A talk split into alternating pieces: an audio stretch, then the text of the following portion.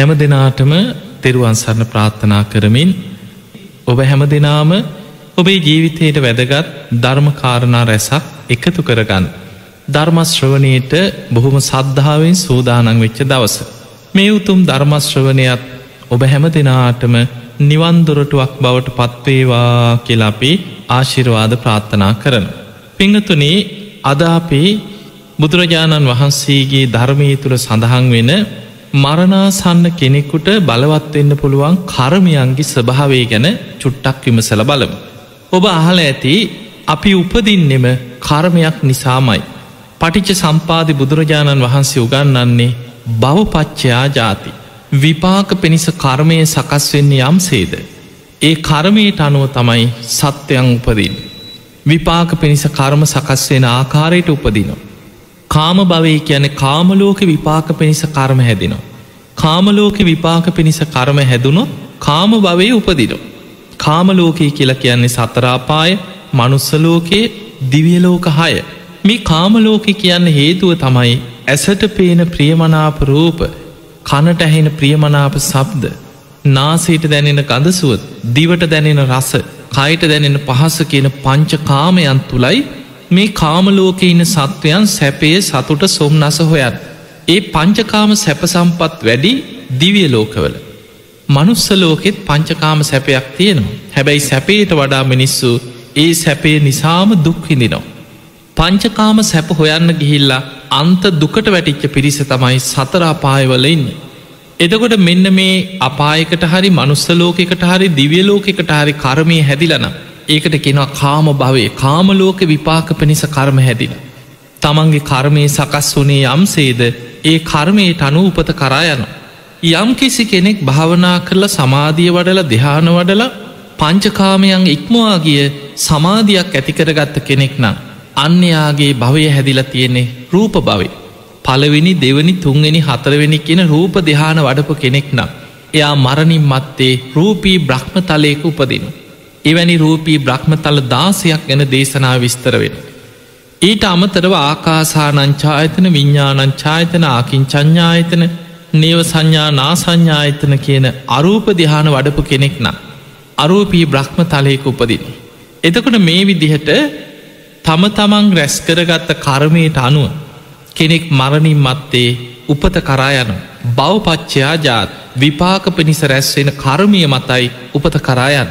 පිංහතුනී බුදුරජාණන් වහන්සේ ඉපදීම පවා පෙන්නුවේ පුරාණ මිදම් භික්කවේ කම්මා. උපදිනවා කියලා කියන්නෙම පෙර රැස්කරගත්ත කර්මයකම විපාකයක්. ඒ කර්ම විපාක මතයි උපදී. දැන් අපි විමසල බලමු කෙනෙකුට මරණ මංචෙක් මරණාසන්න මොහොතේ. ඊළඟ උපත පිණිස බලවත් එන්න පුළුවන් කර්මයම් මොනවද. පිංහතුනේ ධර්මයේ සඳහන් වෙනවා ගරුක කර්ම ආසන්න කර්ම ආචින්න කර්ම කටක්තා කර්ම කියලා මෙහිම කර්මයන් හතරක් ගැන විස්තර වෙන. මරණාසන්න මොහොතේ එවැනි කර්මයන්ගේ බලපෑම මත ඊළඟ උපත තීරණය වෙන්න පුළුවන්. පිංහතුනේ ගරුක කර්ම ගරුක කර්ම කියන්නේ අනෙක් සියලුම කර්මයන් වලට වඩා බොහොම බලවත් අනෙක් සියලුම කර්ම යටපත් කරගෙන මරණ මංචකේ ඒ කාන්තයෙන් බලවත් වෙලා. ඊළඟ උපත තීරණය කරන කර්ම තමයි ගරුක කර්ම කියලා කියන්න. ගරුක කර්මයන් අත්තර ගරුක කුසල් ගරු කකුසල් හැටියට කොටස් දෙහිකට බෙදෙනවා. ගරුක කුසල් කියන්නේ යම කිසි කෙනෙක් හොඳට භාවනා කළ සමාධිය වඩල දෙහාන වඩපු කෙනෙක් නම්. හොඳට සමාධයක් පුරුදු කරන කෙනෙක් නම්. ඒ දෙහානය ඒ සමාධිය එයා පිරිහෙන් නැතුව බොහෝ කාලයක් පවත්වනවන අන්න ගරුක කුසලයක්. බුදුරජාණන් වහන්සේ සමාධි මානන්තරිකං්ඥ මාහු සමාධි ආනන්තරිකං්ඥ මාහු කියන එක ආනන්තරිය සමාධයක් කියෙන්. ඒක ඒ කාන්තෙන් විපාක දෙන සමාධිය. එතකොට එවැනි සමාධයක් කෙනෙක් සම්මා සමාධයක් වඩනවා දිහාන වඩනවා ඒ සමාධිය පිරිහෙන් නැතුව බොහෝ කාලයක් පුරුදු කරපු කෙනෙක් නම්. ඒ කාන්තෙන් මරණින් මත්තේ ඒ සමාධිය බලවත් වෙලා බ්‍රහ්ම ලෝකොල රූපී අරූපී බ්‍රහ්ම තලවල ඒ ඒ සමාධි මට්ටමට අනුව එයා උපත කරායදිලෑ. දැන් අපි ගත්තොත් ඒ තමයි ගරුක කුසල් පැත් ගරුක අකුසල් කියන්නේ ආනන්තරි අකුසල් ඔබ දන්නවා ආනතරි අකුසල් හැටියට පහක් ගැන ධර්මයේ සඳහන් වෙන. තමන්ගේ මවමැරීම පියාමැරීම රහතන් වහන්සේ නමකගේ ජීවිතයක් ගහතනය කිරීම ඒවගේම බුදු කෙනෙක්ගේ ශරීරයේ ලේසලවීම සංගබේද. එතකොට මෙන්න මේ පංචානන්තරි අකුසල් මේ අකුසල්වලින් එක අකුසලයක් හරි යම් කෙනෙක් කරගත්තොත්. ඒ කෙනාට ඒ අකුසලේ අනෙක් සියලූම දේවල්වොල්ට වැඩිය බලවත්. පිංහතුනේ මොනතරම් පින්කරත් මොනතරං බුදුන් ඇදගෙන සිල් අරගෙන කොහොමහරි අනේ මං කොහොමහරි මේක ප්‍රහාණය කරගන්නවා කියලා කොච්චර මහන්සේ ගත්තත් මේ ජීවිතයේ ප්‍රහාණය කරගන්න බැරි බලවත්ම කර්ම තමයි පංචානන්තරි අකුසල් ආනන්තරික කර්ම ඒවට තමයි ධර්මය කියන්නේ ගරුක කර්ම කියල්. පිංහතුනේ ඔබ හිතන්න අජාසත්ත රජ්ජුරුව ගැන අජාසත්ත රජ්ජුරෝ කියන්නේ උපදිනකොට පෙර සසර පින් අනුව සෝවාන් වෙන්න පුළුවන් පුුණ්්‍ය ශක්තියක් තිබ්බ කෙනෙක් කියන. එහෙමනම් සෝතා පන්න වෙන්න පුළුවන් පෙර පිනක් ඇතුව ජීවත් වෙච්ච කෙනෙක් තමයි අජාසත්ත රජ්ජුරු. සෝවාන්වීමේ පින තිබුණත් තමන්ට සද්ධර්මශ්‍රවනයයි කල්්‍යාන මිට්ට සේවනයයි ලැබෙන්න පෙර බුදුරජාණන් වහන්සේ රහතන් වහන්සේලා මුණ ගැහිලා. ඒ ධර්මය වටහා ගන්න පෙර පාපමිත්‍රයකුට අහුන්. පාපමිත්‍රය තමයි දේවදත්. පිංහතුනි පාපමිත්‍රයාගෙන් ඇහෙන්නේ සද්ධර්මය නෙමේ අසත් ධර්මය. එතකොට පාපමිත්‍ර සේවනය නිසා අසද්ධර්මය ඇහුණ බලන් මොනතරම් පෞකාර ධර්මයත්ම ඇහුණ කියලා ධර්මයක් නෙමේ පෞකාර අදහස්. මං බුදුරජාණන් වහන්සේය මරල බුදුවෙන් නංකියෝ. උඹ පියා මරලා රජවයන් කියෝ. එතකොට අපි දෙන්නටම බොහෝම රිසිසේ මේ සියල්ල පාලනය කරගෙන වැජබිලා ඉන්න පුළුවන් කියෝ. ඔන්න හිතට ආපු පාපි අදහස. එතකොට මේ අදහසට කොහොම හරි අජාසත්ත කුමාරයාව නම්මගත්. මුලින් අජාසත්තට දැන් තමන්ට උපකාර ගන්නත් රජකම ලැබෙන්ඩිපෑ ඊට පස්සෙන රාජ්‍ය බලය තමන්ගේ පැත්තට ගන්න පුළුවන් ඒ පිණිස අජාසත්ත කුමාරයට තමන්ගේ පියාමල්ල රජවෙන්න සැලසුන් දුන්න. මෙහෙම කරන්න මෙහෙම කරන්න කියලා. දේවදත්ත හාන්දුරන්ගේ උපදෙස් පරිදි දවසක් අජාසත්ත කුමාරයා බිම්බිසා රජ්ජුරුව ළඟට ගිහිල්ලා එක පාර්ටම කිව්වා මට රජකම ඕන. මට වයිසට යනකං ඉදල වැඩක් නෑකිව රජකං කරන්න. ඒ නිසා පියා මැරෙනකම් බලාගෙන ඉදලා මට වයිසට ගිහින් රජකමින් ඇති වැඩක් නෑ. රජකං කරන්න ඕන තරුණ කාලි. ඒ නිසා මට රජකම ඕනැකි. බිම්බිසා රජ්ජුරුවෝ රාජකය උත්සවයක් සෝදානන් කරලා තමන්ගේ පුතාට අජාසත්ත කුමාරයට රාජ අභිසේකි කරවලා රජකම දුන්න. දැන් අජාසත්ත රජ වුණ. රජ වුණාට පස්සෙත් දේවදත්ත හාමුදුර උපදෙසක් දෙනවා හිතන්න එපාවයි රජකම දුන්නේ කැමැත්තෙන් කියලා. ඕක උපක්‍රමයක්. රජකමට ආසාාවක් නැතුව දුන්න නොවේ කියෝ. ඒ නිසා කොයි වෙලේ හරි නොබෝ මරල ඔය රජකම ආපහු ගනී ඒ නිසා නිදැල්ලි තියන්න එපා කියෝ. හිර කරන්න කියෝ. ඔන්න දේවදත්ත හාමුදුරගේ කීම මත තමන්ගේ පියාව හිර කරා. මෙහෙම හිරේ දාලා තියෙනකොට ආයුපදෙසක් දුන්නා ඔය හිරේ හිටියට රජ්ජුරුව එක්ක රාජකීය පිරිස අමාත්‍යවරු රාජ්‍ය සේවකයෝ සියලු දෙනා හිතවත්. ඒ නිසා හිරේ ඇතුළේ ඉඳලම කුමන්ට්‍රණය කරලා එලියටෙයි උඹෝ මරලා. ඒ නිසා කන්න නොදී ඔහේ හිරේ ඇතුළම මැරෙන්නේ යවන්න කියෝ. ඒ උපදෙසත් පිළිගත්ත. පිළි අරගෙන මුලදී අම්මට විතරක් බලන්න දුන්නා. පස්සේ අම්මට බලන්න දෙන එකක් නැවැත්තුව. මුලදි අම්ම බත්මුලක් ඉනේ ගහගෙන යනෝ. ඒක අහෝන ඊට පස්සේ තමන්ට කන්න දෙන බට්ටික අඹරල ඇගේ ගාගෙන සලුවකින් වහගෙන යනවා.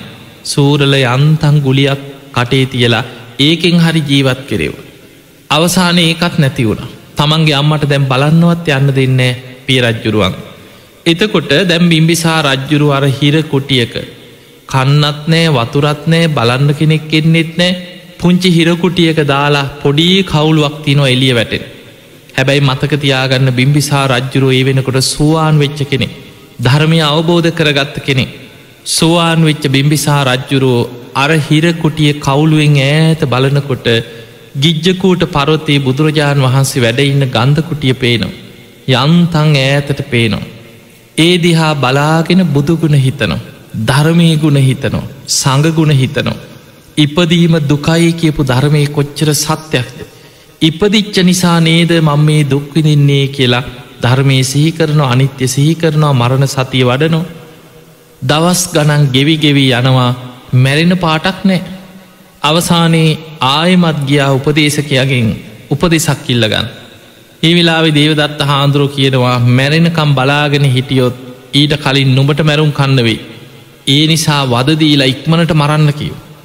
නැත්නං ඕක අනතුරක් මොකක් හරි ඕක කුමන්ට්‍රණයක් ඇති කියෝ. අවසානි රාජභටයන්ට අන කරා වැරදිකාරයන්ට දඩුවන් දෙන විදිහටම යටිපතුල් පලලා. ලුණු දාලා ගිනිපොකුරුට ඇවිද්ධ වන්නකව වදදීල වදදීලම මරන්න කියල රාජභටයන් යෙදෙව. දැන් රාජභටය වද දෙනවා. එදා අජාසත්ත කුමාරයා දැන් අජාසත්ත රජ්ජුරු. පියා මරන්න වදකයන්ට අන කරලා තමන්ගේ මාලිගාව කොටසට ගිහිල් ඇතුළේ ඇවිද ඇවිද සක්මන් කර කරන්න පණවිඩේනකා දැම්මට පණවිඩෙයි දැම් පණවිඩෙයි කියලා ඇතුළේ ඇවිද ඇවිදඉන්න. සේවකෙක් දුවගෙන දුවගෙන ඇවිල දොරට ගැහවා රජතුමනී පණවිඩයක් පණවිඩයක් බොහොම සතුටෙන් දොර ඇරිය මේ පණවිඩේ බලාපොරොත්තුවේ හැබැයි රාජබටය ඇවිල්ල කිව්වේ රජතුමනී ඔබේ දේවිය පුත්කුමාරයෙක් බිහි කරලා කිව්. රජ්ජුරුවන්ගේ බිසව තමන්ට කියලා ඉස්සල්ලාම පුතෙක් ලැබිච්ච දවස රජ්ජුරුවන්ට පුදුමාකාර සතුටක් ඇති වුණ. මාලිගාවේ තමන් හිටපු කොටසෙන් එලියට බැහැල දුවගෙන ගිය. එහෙම යනකොට දේවිය ඉන්න මාලිගා කොටසේ ඒ මොහොත්තෙම එදා ඉපදිච්ච දරුවා අම්ම තුරුල් කරගෙන ඉන්න. ඉපදිච්ච දරුව තුරුල් කරගෙන ඉන්නකොට කෝමගේ පුතා කියල දරුව ඉල්ලගෙන බොහෝම ආදරින් දරුවත් තුරුල් කරගෙන රජ්ජුරුව වාඩි වුණ. අම්මා රජ්ජුරුවන්ට ඇහෙන්න කියනව පුතේ නුඹ ඉපදිච්ච දවසේ නුබේ තාත්තත් ඔය වගේ මයිකිව සතුටුනේ. එහෙම කියනකොට අජාසත්ත රජ්ජුරුවන්ට පුදුමාකාර දුකක් ඇති වුණා හයෝ මංකරගත් අපරාදි. මගේ පියාමං උපදිනකොට කොච්චර සතුටුවෙන් නැද්ද. මම ඒ පියාව මරන්න නේද මේ අනකරේ කියලා ඒ මොහොත්තෙම දරුව අම්මගේ අතර දීලා දුවගෙන ගියා වදකයන්ට කියලා බේරගත්. රජ්ජුරුව ඈතින් එනවා දැක දැක බිම්බිසා රජ්ජුරුව පණගියා දෙව්ලොව ඉපදුනා ජනවසභ නමින් දෙවි කෙනෙක් වෙලා දෙව්ලෝ පහළ වනා කියෙන්. පිංහතුනඒකට හේතුව සෝවාන් පලට පත්විච්ච කෙනෙක් ඒ නිසා මරණින් මත්තේ දෙව්ලෝ පහළ වෙනවා ජනවසභ නමින් දෙව්ලෝ පහළවෙන්. දැන් තමන්ගේ පියා මරලා අජාසත්ත රජ්ජුරුව කරගත්තේ ගරුක කර්මය පීටරූ ගහතන අකුසලයක් අර පංචානන්තරි අකුසල්වලින් එකක් කරගත්තා. දැන් රජ්ජුරුවන්ට වැඩේ වරදිනකොටම වැඩේ තේරුණ. හයෝ මං කරගත් අපරාධය කියල තේරුණ. ඒක තේරුණාට පස්සේ දැන් හිත හදාගන්න බුදුරජාණන් වහන්සේ මුණ ගැහෙන්නේ නවා.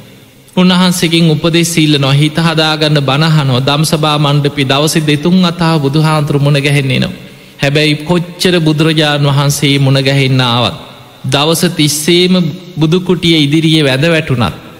බුදුරජාණන් වහන්සේගෙන් දවසම දම්සභා මණ්ඩපේ බණහගෙන හිටියත් මතකතියාගන්න ගරුක කර්මය යටපත් කරන්න පුළුවන් දෙයක් නෑ. ගරුක අකුසලය ඒ කාන්තෙන් මරණ මංචකේ විපාක දෙනවා අම්මයි. හැබැයි පිංහතුනේ අජාසත්ත රජ්ජුරෝ මම අපායගාමී කරුමයක් කරලා ඉවරයි දැන් ඉතින් කමක් නෑ දැන් ඕන තරම් පව්කම්ම කරලා කොහොමත් අපායන කියලා පව්කරේ නෑ. එතනින් පස්සේ වැඩේ වැරදුනාට පස්සේ රජ්ජුරුවන්ට තේරුණා. එතනින් පස්සේ සම්පූර්ණයම ගුණධර්ම වඩන්න පටන් ගත්තා. බුදුරජාණන් වහන්සේ ගැන අප්‍රමාණ සද්ධාවකින් කටයුතු කරා. ඔබ දන්නවා බුදුරජාණන් වහන්සේ පිරිනිවන් පෑවා කියන පණවිඩේ පවා අජාසත්ත රජ්ජුරුවන්ට දැනුන් දෙන්නේ බේත්තුරු තුනක බස්සල කිය. බුදුරජාණන් වහන්සේ පිරිනිවන් පෑවා කෙනකොට සිහිසුන් වුණා. දෙවනි බේත්තොරුවට බස්සල රාජකය සලුපිලි ඉවත් කරලා සිනිදු සලුවක් ඇන්දවල නාවල තෙල්ගාල බෙහෙත්ගාල සිහියාව. ඊළඟ බේත්තොරුව තියලා මොකක්ද මට කිව්වෙ කියලැහු. බුදුරජාණන් වහන්සේ රජතුමනී මල රජදරුවන්ගේ උපවර්තන සාල වනෝද්‍යාන පිරිනිවන් පෑවක් දෙවනි වතාවේ සිහිසුන් වුණා. ඔය විදිහට තුන් වතාවක් බෙහෙත්තොරුයි සිහිසුන් වනා කියන බුදුරජාණන් වහන්සේ පිරිනිවන් පෑවා කියල දැනගනි. සේනාවත් අරගෙන කුසිනාරාවට පිටත් වනා මම දහතුන් වහන්සේලාගෙන් භාගයක් ඉල්ලගන්න. මට ලැබෙන දහතුන් වහන්සේලා අරගෙන ඇවිල්ලා. මේ රජගහනුවර චෛත්‍ය ඉදි කරලා බුදු කෙනෙකුට උපස්ථාන කරනවා වගේ මගේ අතිම්මමං ඒ චෛත්‍යවලට දහතුන් වහන්සේලට ඇප උපස්ථාන කරනවා කියලා පිටත් වෙලා ගිය. අජාසත්ත රජ්ජුරුවන්ටත් දහතුන් වහන්සේලා ද්‍රෝණයක් ලැබුණ. ඒ ධාතුන් වහන්සේලා තැම්පත් කළ රජගහනුවර බොහෝම සද්ධාවෙන් චෛත්‍යයක් හදලා පුදුම සද්ධාවෙන් ඒ චෛත්‍ය වන්දනා කර. ඊළඟට හිතන්න පළවෙනි ධර්ම සංගායනා බුදුරජාණන් වහන්සේ පිරිනිවන් පාල මාස තුනක් යන තැන්. මහා කාශ්‍යප මහරහත්තන් වහන්සේ පන්සීයක් රහතන් වහන්සේලා එකතු කරලා ප්‍රථම ධර්ම සංගායනාව කරා. මේ ධර්ම සංගායනාවට මූලිකත්වය රාජ්‍ය අනුග්‍රහය දුන්නේ රාජ්‍ය පැත්තෙන් අනුග්‍රහය සම්පූර්ණයෙන් දුන්නේ අජාසත්ත රජ්ජුරු අර්පියා මරපු රජ්ජුරු. ඒ විතරක් නෙමෙයි මහාකාශප මහරහත්තන් වහන්සේ ධර්ම සංගායනාවෙන් පස්සේ. උන්වහන්සේ දිවසින් දැක්කා මේ බෙදලදීපු ධාතුන් වහන්සේලා අනාගතේ අන්‍ය තීර්ථකයන් බලවත් වෙලා මේ චෛත්‍ය විනාස කරලා වෙහෙර විහාර විනාස කරන කාලයක් එනවා. ඒ නිසා මේ දහතුන් වහන්සේලාගෙන් රාමගාම නගරේ කෝලිය රජදරුවන්ට දීපු ධාතු ද්‍රෝණය ඇර අනෙක් දහතුන් වහන්සේලා සියල්ල ආරක්ෂිතව පොළොව ඇතුළේ ආරක්ෂා කළ යුතුයි. ඒකට තමයි කියන වාල් සංගටකය කියෙන්. අජාසත්ත රජ්ජුරුවන්ගේ උපකාර ඇතුව රජගහනුවර මේ වාල සංගටකේ නමින් පොළො ඇතුළට හාරල පොළො ඇතුළෙ චෛත්‍යයක් පැඳලා දහතුන් වහන්සේලා ද්‍රෝණ හතක් ආරක්ෂා කෙරෙව්. එතකොට මේ වගේ ශාසනික කාරයන් වලදී පුදුමාකාර සද්ධාවෙන් අජාසත්ත රජ්ජුරු මෝලිකත්ය ගත්තා. පිංහතුනි මතකතියාගන්න මේ මොන පින්කං කරත් ඒ පිනේ විපාක නැතිවෙනවා නෙමේ. කවදාහරි දවසක අර ගරුක කර්මය විපාක ගෙවල අවසන් වෙච්ච දවසක පින මතුවේ. හැබැයි මරණාසන්න මොහොත්තේ ඒ කරපු පින් සියල්ල යටපත් වෙලා බලවත් වනේ ආනන්තරිය කර්මය ගරුක කර්මය. ඒ නිසා යම් කිසි කෙනෙක් ආනන්තරිය කර්මයක් ගරුක කර්මයක් කරොත් ඒ කාන්තෙන් කරපු පින් යටපත් වෙලා ගරුක කර්මය බලවත්වෙනවා මයි. එනිසා පිංහතුනේ ඔන්න මරණ මංචක ඒ කාන්තෙන් බලවත්වෙන්න පුළුවන් කර්ම යම් කිසි කෙනෙක් තමන්ගේ මවමරලන පියාමරලන එක්කො රහතන් වහන්සේ නමකගේ ජීවිතයකට හානියක් කරලන ඒ විතරක් නෙමෙයි සංගබේදේ සංගබේද කියන එක ඔබ තේරුම් ගන්න ඕනෑ සමහර වෙලාවට ඔය කියලං කියලා බොරු කියලා භික්‍ෂූන් වහන්සේලා භික්‍ෂූන් වහන්සේලා අතර ඉත් අමනාපකං බිඳීම් ඇතිවෙන. ඒකත් බරපතල අකුසලයක් තමයි. හැබැයි සංගබේද කියන ආනන්තරි අකුසලේ වෙන්න නං ඒක උපසම්පදා සීමාවක එකම පෝය කරන භික්‍ෂූන් වහන්සේලා අත්තර අධර්මවාදී අවිනයවාදී කරුණු පදනම් කරගෙන සඟ පිරිසක් වෙනම කඩාගෙන වෙන්වෙන්. හැබැයි එහෙම වෙන් වෙනකොට එතන වැඩ ඉන්න ව්‍යක්ත ප්‍රතිබල ධර්මදර භික්ෂුවක්. කරුණු සහිතව හේතු සහිතව පෙන්නල දෙනවා භික්ෂූව මේක කරන්න එපා. මේක ධර්මයට එකග නෑ විනයට එකග නෑ ඔබට ආනන්තරි අකුසලයක් රැස්වෙනවා. මේක සංග බේදයක්. දෙවනි වතාවත් කියෙන භික්ෂූබ මේක කරන්න එපා. ඔබ මේ කරන්න යන කාරය ධර්මයට එකග නෑ විනයට එකග නෑ මේක සංග බේදයක්. තුංගනි වතාවත් කියනවා ඒත් පිළිගන්නේ නැතුව සංඝයා වෙන් කරගෙන කඩාගෙන යනෝ පොයිසීමාව. එතන දිවෙන්නේ සංඝාධි ශේෂ කියන ආපත්තියකට පත්වෙන. සංගබේදය නෙමේ. ඊට පස්සේ කඩාගෙන ගිය පිරිසත් එක්ක වෙනමකම සීමාව වෙනම පෝය කරන. අපි එන්න මේ ඇත් එක්ක කියලා දැම් බිඳිච්ච සංඝයා අධර්මවාදී කාරණා මත බිඳිච්ච සංඝයා වෙනම පෝය කර්මයක් කරන. විනේ කර්ම කරන. අන්න එතකොට සංගවේද කර්මය අකුසල විපාක ආනන්තරි අකුසලේ රැස්වෙන්. දැන් එතකොට අපිට පේන මේක මේ සාමාන්‍යයෙන් ගිහියෙකුට කරන්න පුළුවන් දෙයක්කත් මේ සාමනීර භික්ෂුවකටවත් එතකොට මේක ධර්මානුකූලව දේව දත්ව ඒ විදිහට තමයි ඔය සංගබේද කර්මය කරගත්තේ. එහෙමනම් පිංහතුනි මෙන්න මේ කියන පංචානන්තරිය කර්මයක් යම් කිසි කෙනෙක් අතින් සිද්ධ වුණු. ඒ කෙනා මරණ මංචකේ ඒ කර්මය බලවත් වෙලා ඒ කාන්තෙන් අපායට වැටෙන. ඒක තමයි ගරුක කර්ම. ඔන්න දැන් යම් කෙනෙක් ගරුක කර්මයක් කෙරිලා නැත්නම් ගරුක කුසලයක් හෝ අකුසලයක්. ගරුක කුසල් කියන්න හොඳට දෙහාන වඩලා දෙහානමය කුසලෙකුත් කෙනෙකුට නෑ. අකුසල් පැත්තෙන් ගත්තොත් ආනන්තරි අකුසලයක් කරපු කෙනෙකුත් නෙමේ. එහෙම නංයාට විපාක දෙන්න තරම් ගරුක කර්මයක් කොහොමත් නෑ කෙරිලා. ගරුක කර්මයක් නැත්නං. මරණාසන්න මොහොතේ ඊළඟට මතුවෙන කර්මය තමයි ආසන්න කර්ම. ආසන්න කර්මයක් හැටියට කර්මයක් බලවත්වෙන්න පුළුවන්. අන්නේ ආසන්න කර්ම කියනේවා මරණාසන්න කෙනෙකුට මොන විදිහට බලවත් වෙයිද කියන්න බෑ. මොකද ආසන්න කුසල් ආසන්න අකුසල් කියලා දිපැත්තකට බෙදන්න පුළුව. ආසන්න කුසල් කියන්නේ අකුසල් කර කර හිටපු කෙනෙකුට පවා. සාමාන්‍යෙන් ඔහේ අකුසල් කර කර සාමාන්‍ය පවකාර ජීවිතයක් ගත කරපු කෙනෙකුට පවා මරණාසන්න මොහොතේ තමන්ගෙන් වෙච්ච මොකක් හෝ පින අරකරපු අකුසල් යටපත් කරගෙන පින මතු වෙන්න පුළුවන්. ඒක බුදුරජාණන් වහන්සේ මහා කම්ම ඉබංග සූත්‍ර පෙන්නනවා අකුසල් මැඩලන කුසල් කියල්. තමන්කරපු අකුසල් ටික යටපත් වෙලා කුසලයක් බලවත්වෙන. ඒ හේතු කරගෙන පවකාරයෝ පවා සමහර වෙලාවට සුගතියකට ඇදන්න පුළුව හැබැයි මතක තියාගන්න මේක හැමගෝට වෙන එකක් නෙමේ කලාතුරකි වෙන්න පුළුවන් අවස්ථාව තමන් කරපු අකුසල් යටපත් වෙලා මරණ මංචකේ කුසලයක් බලවත්වෙන එක්කෝ තමන් පෙරකරපු පිනක් තමන්ගේ ජීවිතය කරගත්ත පින එහෙම නැත්නම් මරණාසන්න මොහොතේ සිහිවෙච්ච බලවත් පින අපි දන්නවා බොහෝ වෙලාවට කොච්චර පව්කං අකුසල් කර කර හිටපු කෙනෙක් වුණා මරණාසන්න මොහොතේ ස්වාමීන් වහන්සේ නමක් ළඟට වැඩියොත් උන්වහසි කරන්නේ ඒ මොහොතේ සිල් සමාධන් කර. සිල් සමාධන් කරලා කියෙන ඔබතුමා දැන් සිල්වත් කෙනෙ ඔබතුමා දැම් බොහෝම සිල්වත්. ඒ නිසා පරණ වැරදි අතහැල්ල මේ සීලි ගැන සිහි කරන්න. ඊළඟට එතනදි අටපිරි කරක් හරි අර ඇදේ ඉන්න කෙනාගේ අතින් හරි අතගස්සලා ස්වාමීන් වහන්සේට පූජ කරනවා. ඒ ස්වාමීන් වහන්සේ බුදුගුණ ටිකක් හරි කියලා හිත පිහිටෝල සිහිය පිහිටෝනො. එතකොට අපිට පේනවා එවැනි මොහොතක අර කරපු අකුසල් ටික යටපත් වෙලා ඒ මොහොතේ ලොකු පිනක් බලවත්වයෙන පුළුව අන්න ඒකට කියනවා ආසන්න කුසල්. ආසන්න කුසලයක් බලවත් වුණො සුගතියකට යන්න පුළුව හැබැයි මතකතියාගන්න උපතක් සුගතියක ලැබුණත් තමන් ජීවිතය එක්කරපු අකුසල් ගොඩාක් බලවත්නං සුගතිය ඉපදිලා අර ඉපදිච්ච පිනේ විපාක ඉක්මනින් ඉවර වෙන මොකද සුගතිය බොහෝ කල් සැපවිදින්න තරම් පිනනෑ අකුසල් බලවත් එච්ච කෙනා දෙව්ලොව ඉපදුනත් ඉක්මනින්ම චුතවෙලා යපායට වැටෙන. බොහෝ අකුසල් කරපු කෙනෙක් මනුස්ස මවකුසකට මරණ මංචකේ බලවත්වෙච්ච පිනෙන් ඇදිලාවත්. සමහරු මවකුසේම මැරෙනො. සමහරු ඉපදිලා සතියෙන් මාසයෙන් දෙකින් අවුරුද්ධෙන් මැරෙන්. මොකද මනුස්ස ජීවිතයේ සැපසේ ජීවත් වෙන්න තරම් පින මදී ආසන්න කුසලෙකින් මනුස්සලෝකට ඇතිලාවට ජීවත්වෙන්න තරම් පින මදී. අකුසල් බලවත් වැඩි. එතකොට මේ විදිහට අකුසල් මැඩලන කුසල් බලවත් එන්න පුළුව. ඕකේ භයානකවදේ තමයි තමන් කරපු පින යටපත් වෙලා කුසල් යටපත් කරගෙන අකුසල් බලවත් එන්න පුළුවන් ආසන්න කර්ම හැටියට. මරණආසන්න මොහොතේ. දැන් ඔබ හිතන්න කෝසල මල්ලිකාව කොසල් රජ්ජුරුවන්ගේ බිසවක් ගැන බහලේ. අසත් දුෂ්‍ය මහා පින්කම කරේ මේ මල්ලිකාදේවි. හැබැයි මල්ලිකාදේවයට තිබිච්ච දුරුවලතාවයක් තමයි තමන් කොච්චර පින් කරත් බුදුරජාණන් වහන්සේ ගැන කොච්චර සද්ධාව තිබුණත් හැමවෙලේම තමන්ගෙන් වෙච්ච අකුසල් සිහිකර කර පසු තැවෙන. හයියෝ මං මේ වගේ පවකං කර. මගේ අති මේ වගේ වැරදි වැඩ වුණා. මං මෙහෙම පවක් කර. ඕක හිතනවා. අකුසල් හිතන්න හිතන්න හිතේ අකුසලේ බලවත්වෙන.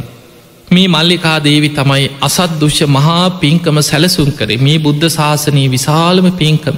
කොසොල් රජ්ජුරුවන්ට පින්කම කරන්න පසු පසින් සෙවනැල්ලක් වගේ ඉඳගෙන සියලු උපදෙස්තුන්නේ මල්ලිකාදේවි. එතකොට හිතන්න මේ බුද්ධ ශාසනී විශාලම පින්කම අසද්දුෂ්‍ය මහා පින්කම ඒ මහා පින්කම කරපු මල්ලිකාදේවියටත් මරණාසන්න මොහොතේ තමන්කරපු කුසල් යටපත් වෙලා අකුසලයක් බලවත්ව තමන්කරපු කුසල් යටපත් වෙලා තමන්ගෙන් වෙච් අකුසලයක් මරණ මංචකේ බලවත් වුණ අන්නේවට ධර්මී කියන්නේ කුසල් මැඩලන අකුසල් කරපු කුසලේ යටපත් වෙලා අකුසලයක් විපාක දුන්න. දින හතක් අපායකට වැටුණ කියන. දින හතක් අපායකට වැටෙන්න හේතුව කරපු පින් බලවත් නිසා අපාය කල්ප ගණන් දුක්විදින්න තරම් අකුසල විපාක බලවත් නෑ.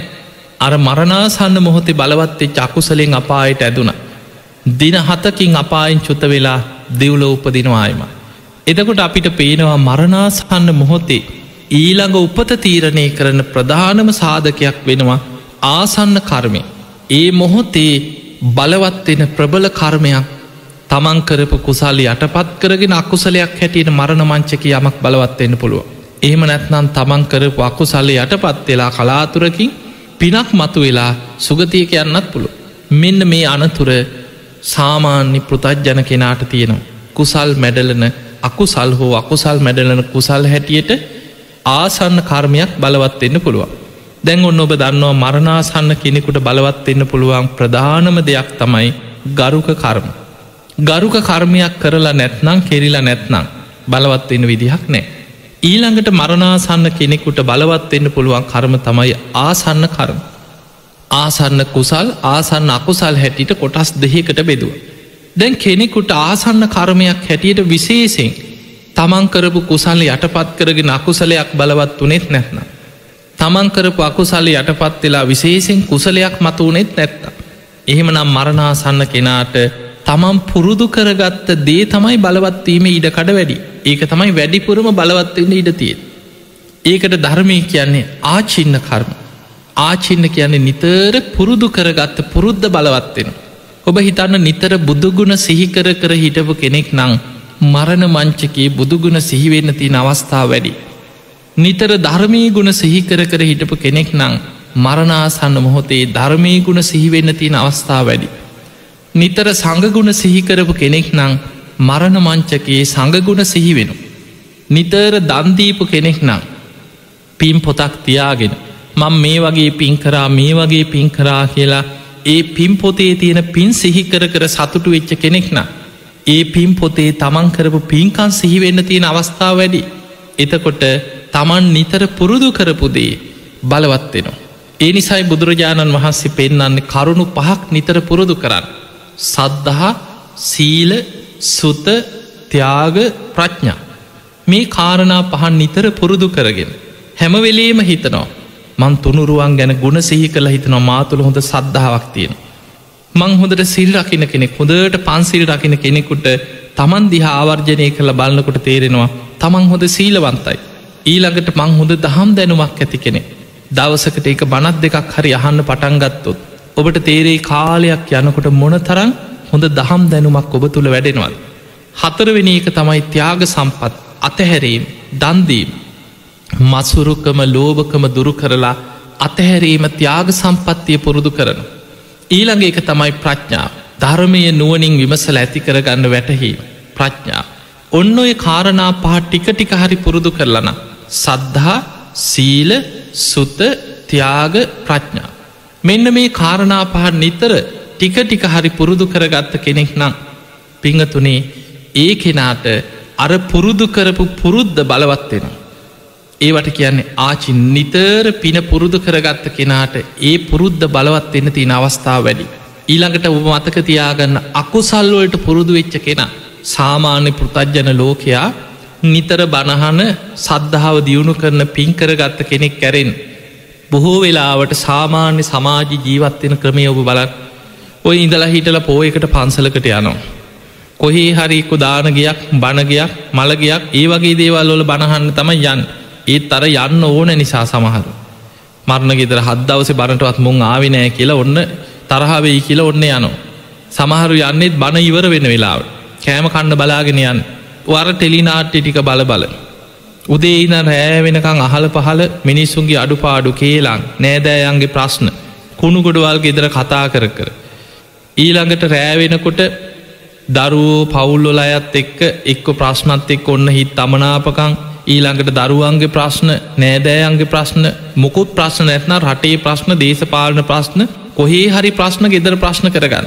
හිතකොට මේවත් එක්ක හැම මොහොතෙම දවේශය වෛරය තරහාව රාගය ටෙලිනාට්ටි චිත්‍රපටි මේවත් එක්ක ජීවත් වෙලා ඉන්දලා හිටල ඔන්න බෝධි පූජාවක් තියන්න ඒකත් අපල කියලා කවරු හරි කිවොත් බෝධි පූජාවක් තියන්න තුවනු. පන්සලකට යන. ඒ අන්න එක්ක පෝයකට යන්න මල්ටිකක් පූජ කරලා යමල්ල පෝයිටක් පන්සල්ගී නැත්නම් හරිනෑ කියලා අන්න යන. එතකොට මේ විදිහට ජීවත් වෙච්ච කෙනාට එයාගේ ජීවිතයේ හැමවෙලේම බරවෙලා තියෙන්නේ අපාය පැත්තට. එයාගේ පුරුද්ධ තියෙන රාගේ බලවත් වෙන විදිහට තමයි හිත නැඹුරු වෙලාති රාග සහිත සිතුවිලි තමයි පුරුදු කරලාතිය. හිතට එන දවේශය තරාව ඉරිසියාව ඒක තයි පුරුද්ධ. අනුන්ගේ අඩු පාඩුහයපු කීලං කියපු දවේශයෙන් තරහෙන් වෛරෙන් කටයුතු කරපු පුරුද් එහෙම කෙනෙකුට අර පුරුදු කරපු දේවල් තමයි බලවත්වෙන්න ඉඩතිය. ඔබ බලන්න බුද්ධ දේශනාවල සඳහන් වෙනවා සමහරු මහා අවාසනාවන් පෞකාර පුරුදු බලවත්ත පුරුදු කරපු අයි ඔබහල ඇති චුන්ද සූකරි. වේළුවනාරාමේ ආසන්න හිටපු කෙනෙක් කියන. ඌරු මරණ එක තමයි ජීවිතේ. උදේ ඉදං ඌරු ඇති කරන ඌරු මරණ මර මරා මස් කර කර වෙළඳ පොලට යවන. බුදුරජාණන් වහන්සේ වැඩඉන්නකොට දවසක් ආනන්ද හාමුදුර ඇවිල් අහනෝ සාමීනී භාග්‍යතුන් වහන්ස අර චුන්ද සූකරිකකි ගෙවල් පැත්තෙන්.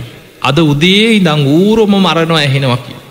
උදේ වෙනද වගේ නෙමේ අද දවසම ඇහෙනවක් බුදුරජාණන් වහන්සේ වදාලා ආනන්ද දැන්නං ඔය ඌරු මරණවා නෙමේකි. ඔය චුන්ද සූකරික කෑගගහ පනාදිනවා කිය. එදකොට ඌරෙක් කෑ ගහන විදිහටම කෑගහල කෑගහල පණ ඇදල මැරුණක් දැම් බලන්න මේ වගේ තමන් ජීවිතය කරගත් අකුසලේම තමන්ට මරණ මංචකේ බලවත් වෙලා විපාකදීලා දුගතිය යනු.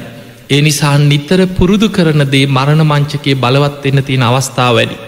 ඔන්න දැංගොබට කර්ම තුනක් ගැන පෙන්වා මරණාසන්න මොහොතේ බලවත්වෙන්. පළවෙනි එක තමයි ගරුක කර්ම. ගරුක කර්ම කොටස් දෙහකට පෙදුවක් ගරුක කුසල් ගරුක අකුසල්. ගරුක කුසල් කියන්නේ ධ්‍යාන වඩල ඉහලට හිත වඩලනම් මරණ මංචකයේ කාන්තින් දෙහානමේ කුසලේ බලවත්වෙන. ඊළඟට අකුසල් පැත්තෙක් පංචානන්තරි අකුසල් කරගත්ත කෙනෙක් නං ඒවට කෙනක් ගරුක අකුසල්. ඒ කාන්තින් ඒ අකුසල් බලවත් වෙලා මරණින් මත්තය අපායට වැටෙන නිරේට වැටෙන. ඊළඟට ආසන්න කර්ම ගරුක කර්මයක් කෙරලා නැත්නං ඊළඟට මරණ මංචිකේ මතු වෙන තියෙන දේ තමයි ආසන්න කර්ම. ඒකත් අපි කොටස් දෙහිකට බෙදුව. ආසන්න කුසල් ආසන්න අකුසල් හැටියට.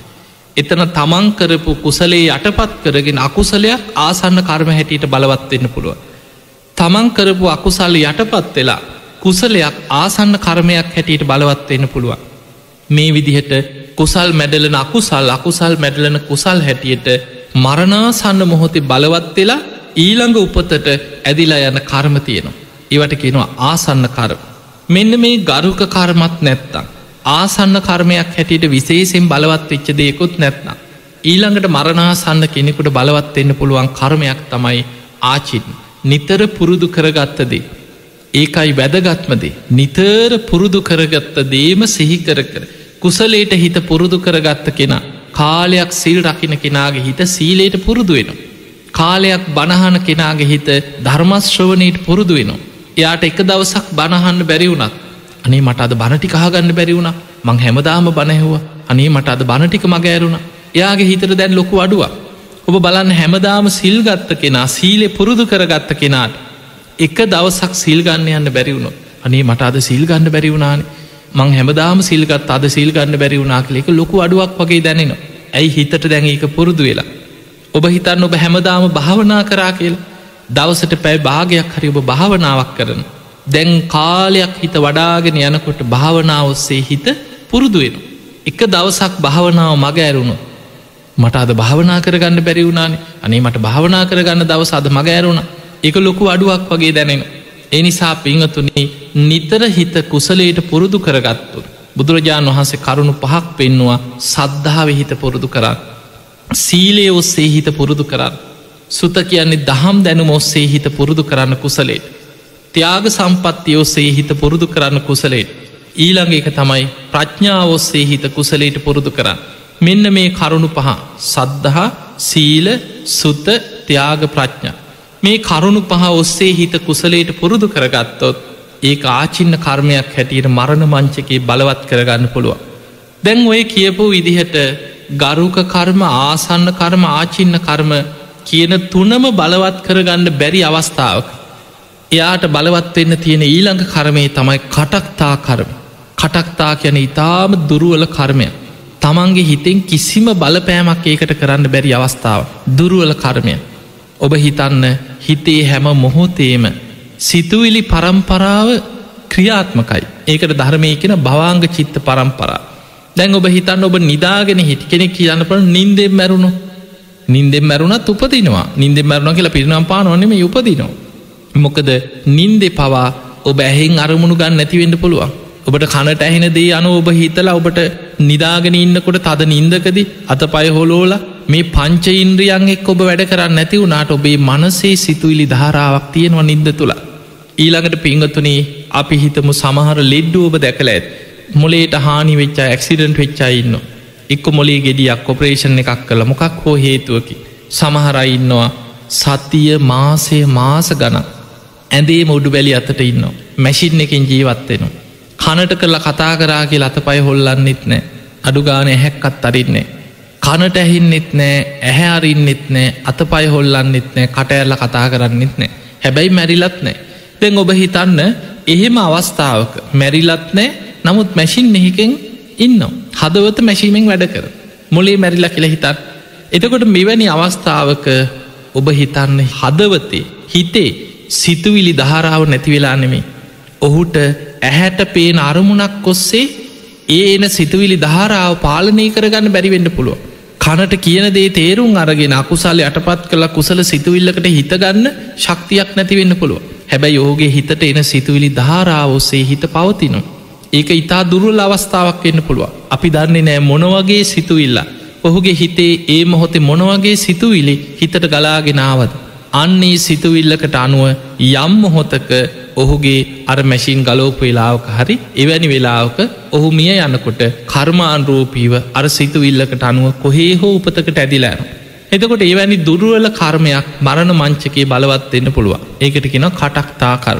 පිංහතුනි ඔන්න ඔය කියන ආකාරයට එක්කො ගරුක කර්මයක් එක්කො ආසන්න කර්මයක් එක්කො ආචින්න කර්මයක් එහෙම නැත්නං කටක්තා කියන කර්මය. මෙන්න මේ කර්මයන්කින් එකක් මරණ මංචකේ අපි කාට හෝ ඒ කාන්තයෙන් බලවත්වෙන්න තියෙන කරමයි ඔය බුදුරජාණන් වහන්සේ පෙන්ව. ඒ නිසා පිංහතුනී මැරෙන්න්න වැටෙනකම් බලාගෙන හිටියොත් ආමං ඒ වෙලාවට කරගන්නන් කියලා ඔබ පින් කරගන්න බලාගෙන හිටියොත් අන්තිම මොහොත වෙනකම්. අපි දන්නේ නෑ බොහෝ දෙනෙකුට මරණාසන්න වෙනකොට සිහිකල්පනාවත් නෑ අද. සමහරු පොඩි ළමයි වගේ සත්තුවක් හිළඟට අපි දන්නේ නෑ කොහොම මැරෙන්න්න වෙයිද කුටි කාල මැරෙන්න්න වෙයිද ගින්නකින් පිච්චිලා මැරෙන්න්න වෙයිද සිහිමුලා වෙලා මැරෙයිද? ගංවතුරකට නායාමකට අහු වෙලා මැරෙන්න්න වෙයිද? අපි කාටවත් මරණය කලින් සැලසුම් කරන්න බෑ. ඒ නිසා පිංහතුනේ ජීවිතේ පුළුවන් තරම් පින් කරගන්න. කුසල් වඩාගත්. හැම බුදු කෙනෙක්ම අපිට පෙන්නල දෙන්නේ සබ්බ පාපස්සා කරන. පාපී අකුසල්වලින් හැම මොහොතේම හිත වලක්වගන්න සිතකය වචනය කෙන තුන්දොරම අකුසලෙන් වලක්වන් කුසලස් උපසම්පද. පුළුවන් තරක් කුසල් වඩන් පින් කරන්න. සචිත්ත පරියෝධපන. තමන්ගේ හිත දමනය කරගන්න ස්වචිත්තේ දමනය කරන්න ඒ තම් බුද්ධානු ශාසන මේක තමයි බුදුරජාණන් වහන්සේලාගේ අනුශාසන. මෙන්න මේ අනුශාසනාව තුළ පිහිටලා ඔබ කටයුතු කරන්න දක්ෂ කෙනෙක් බවට පත්වෙන් අන්න එතකොට ඔබට මේ ලැබිච්ච බුද්ධ ශාසනය මේ මනුස්ස ජීවිතෙන් ප්‍රයෝජනයක් ගන්න පුළුවන්. මෙච්චර වටින බුද්ධ ශාසනයක් මුණ ගැහිලා මනුස්ස ජීවිතයක් ලැබිලා ෂණ සම්පත්තියක් ලැබිලා හොඳට පින් කරගන්න අවස්ථාවත් ඔබට තිබිලා අත්තට ලැබිච් අවස්ථාවත් හැරගන්න ඇතුව අප්‍රමාදීව අකුසල් වලින් වැලකිලා කුසල් වඩාගෙන හිත දමනය කරගන්න දක්ෂ කෙනෙක් බවට පත්තෙන්